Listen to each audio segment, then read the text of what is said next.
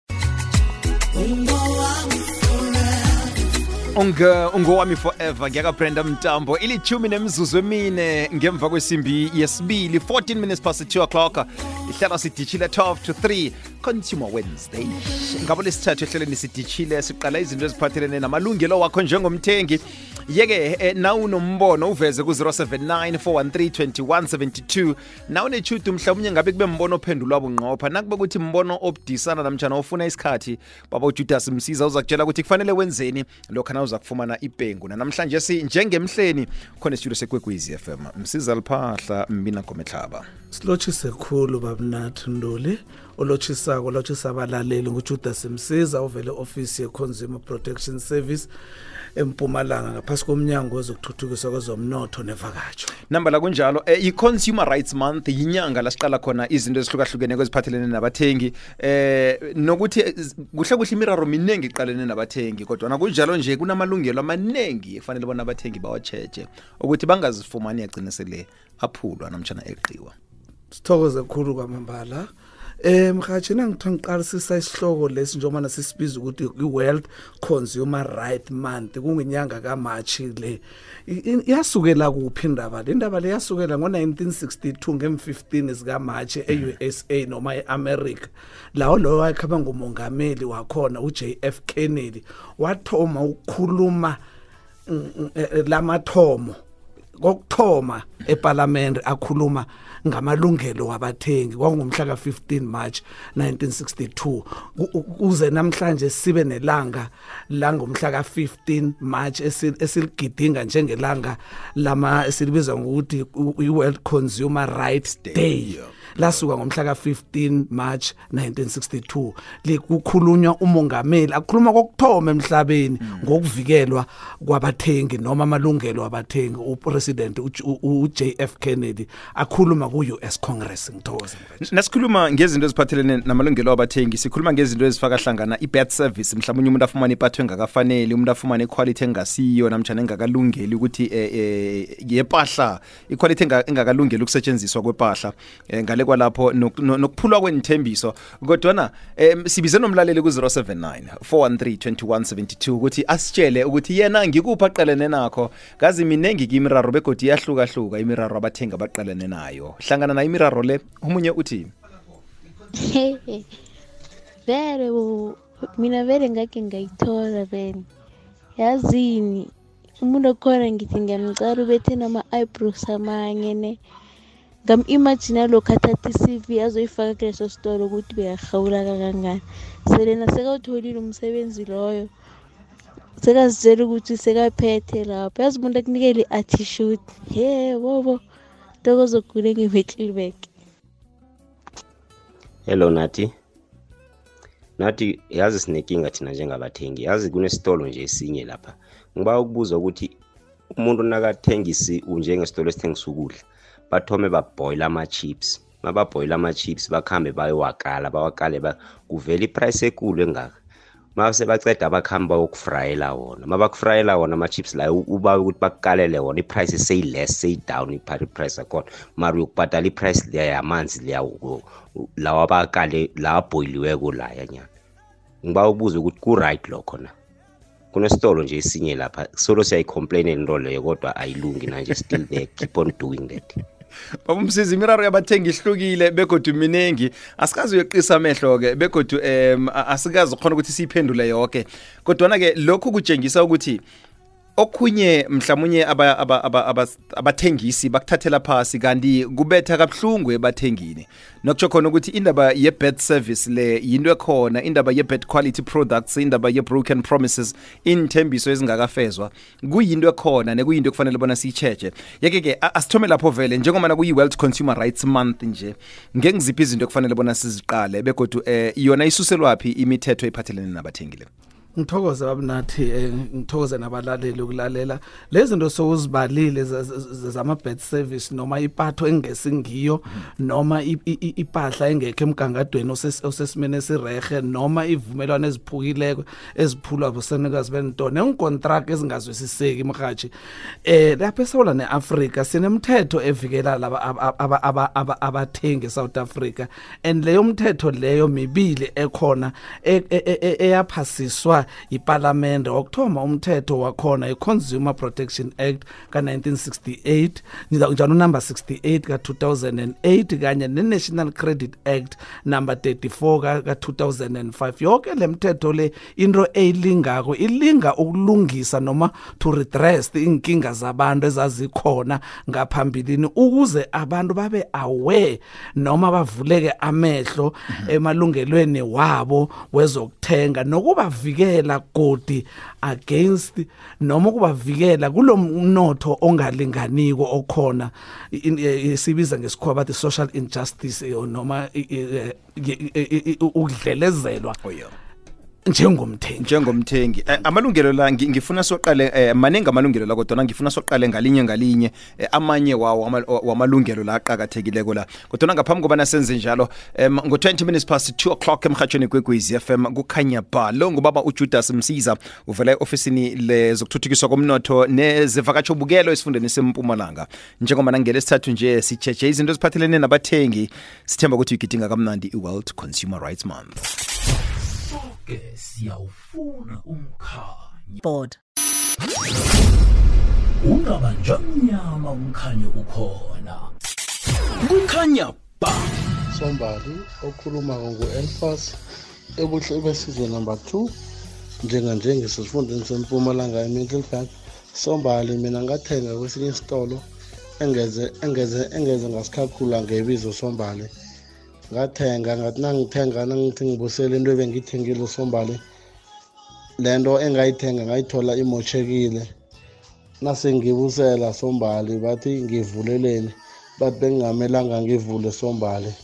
ngiyo mina inkinga engahlangabezana nayo sombali tanki sombali siqale izinto eziphathelene namalungelo wabathengi nabathengi nje izinto ezikhona ngaphandle lapha uhlangabezene nakuphi wena mnumzana umsiza sikhulume ngepathwe ngasiyihle sakhuluma ngekhwalithi engakarisiko ngale kwalapho nepahla engasisezingeni elifaneleko asilapho vele umraro kababa lo nase siye emalungelweni wabathengi eh, bekufanele bona eh, azi ini nani eh, njengomthengi khona azokwazi ukuthi amalungelo akhe anga anga anga angadlalelwa kiwo ngalendlela eh mhathi amalungelo abathengi ngaphasi kweconsumer protection act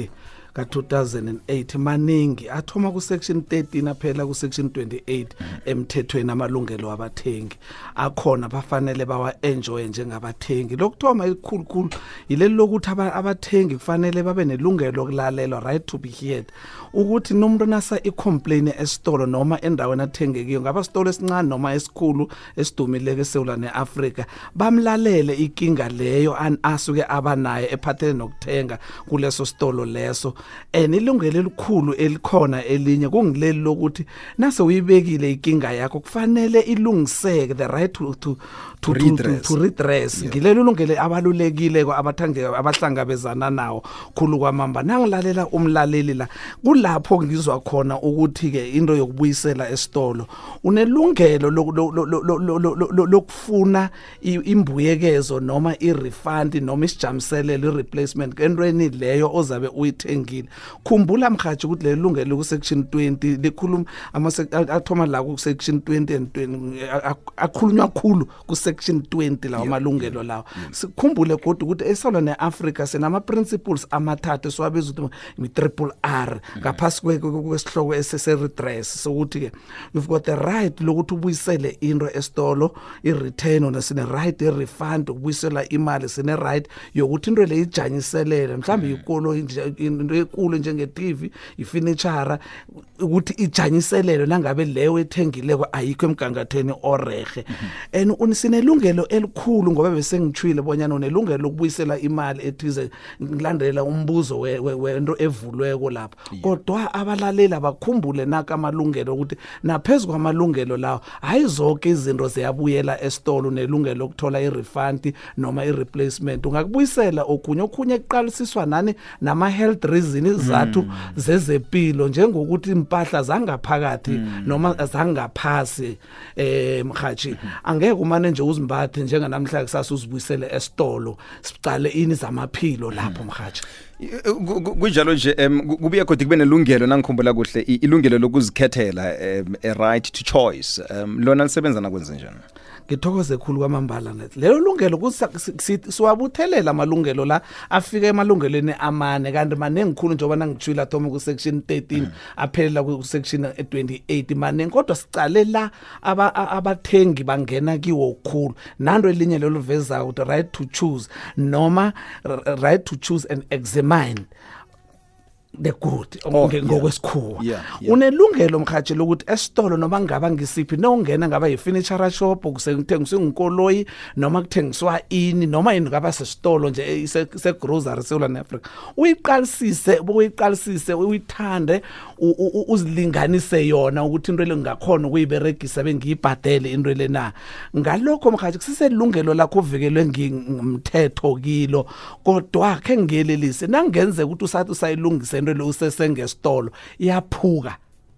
you are not liable you are not you are not jama case ngibeke ngesindebele bengiya lapho vele ukuthi ngiba ibeke ngesindebele ngisesitolo ngiphethe ikopi nali liyankara nalisankara ikopi eli lichelele liwe you are not responsible awukakateleleki awukabantu awuka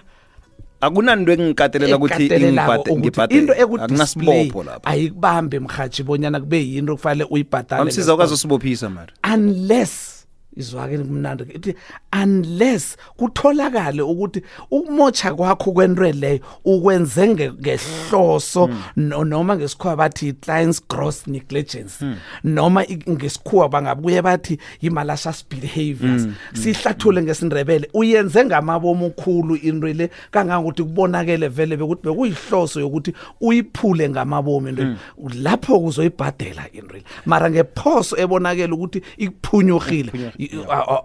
awunalungelo ukuthi ungayibhadala into le uvikelwe yini ke yisection le engiyitshoke okay nangabe besingeklassini bengiza ukuthi section 18 we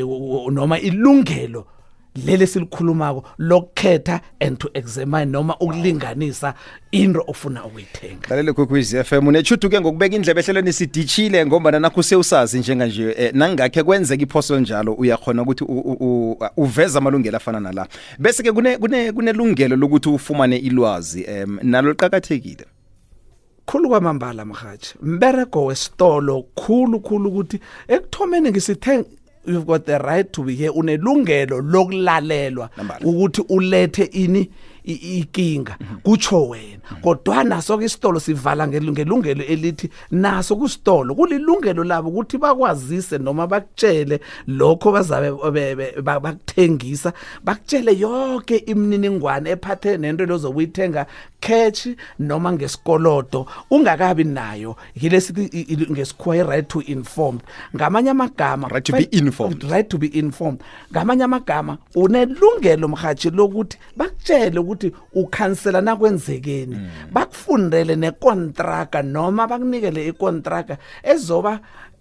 ezwakalako kuwe ngesikhuwa bathi ibe plain and understandable language ungakunikeza into mhlawumbe ezoku e, mm. noma ibinzima kodwa bazame ukuyisummarize ukuyihlathulula ukuthi ibe ibe bizwakala ngakimi baqhazele even namalungelo la esiwabiza ngokuthi mhlawumbe uvuselela nini nangabe contract iyaloku iyachubeka and kunini la iphela khona leyo contract malungelo nje kuzame kose basummarize ini ikontraka ukuthi nawe ube nelungelo lokwazi lokwazi nambala mlalelo netshuduke wena unelungelo lokwazi yeke hlala nekwekwezi FM ngelesithathu ngalesi sikhathi sitsheja izinto eziphathelene nabathengi eh babumsiza ngaphandle kokuthi balalele thina nani niyafumaneka kazi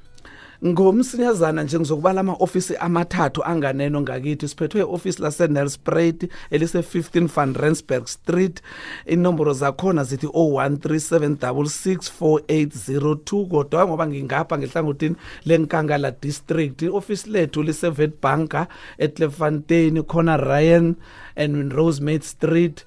eh, inomboro zakhona it's 0136925848 noma 6300 elinye ke ngoba abalaleli babanabile bayafika nasehersiba nehersiba nde yonke kubo-emelo sine-ofisi lapho likhona edrobheni indawo ezifana njengabombalenhle sekhunda ngithokoze khulu mhatsha unelungelo lokulalelwa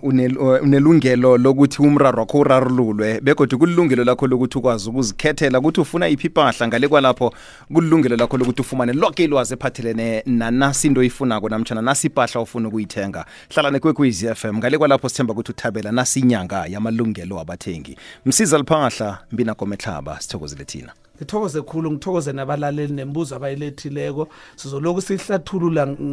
ngokuchaza bangizwile abaningi ukuthi sengichazile njenge-right to return mm. baphendulekile ngithokoze khulu abalaleli boke abakhona isitshaba sekhethu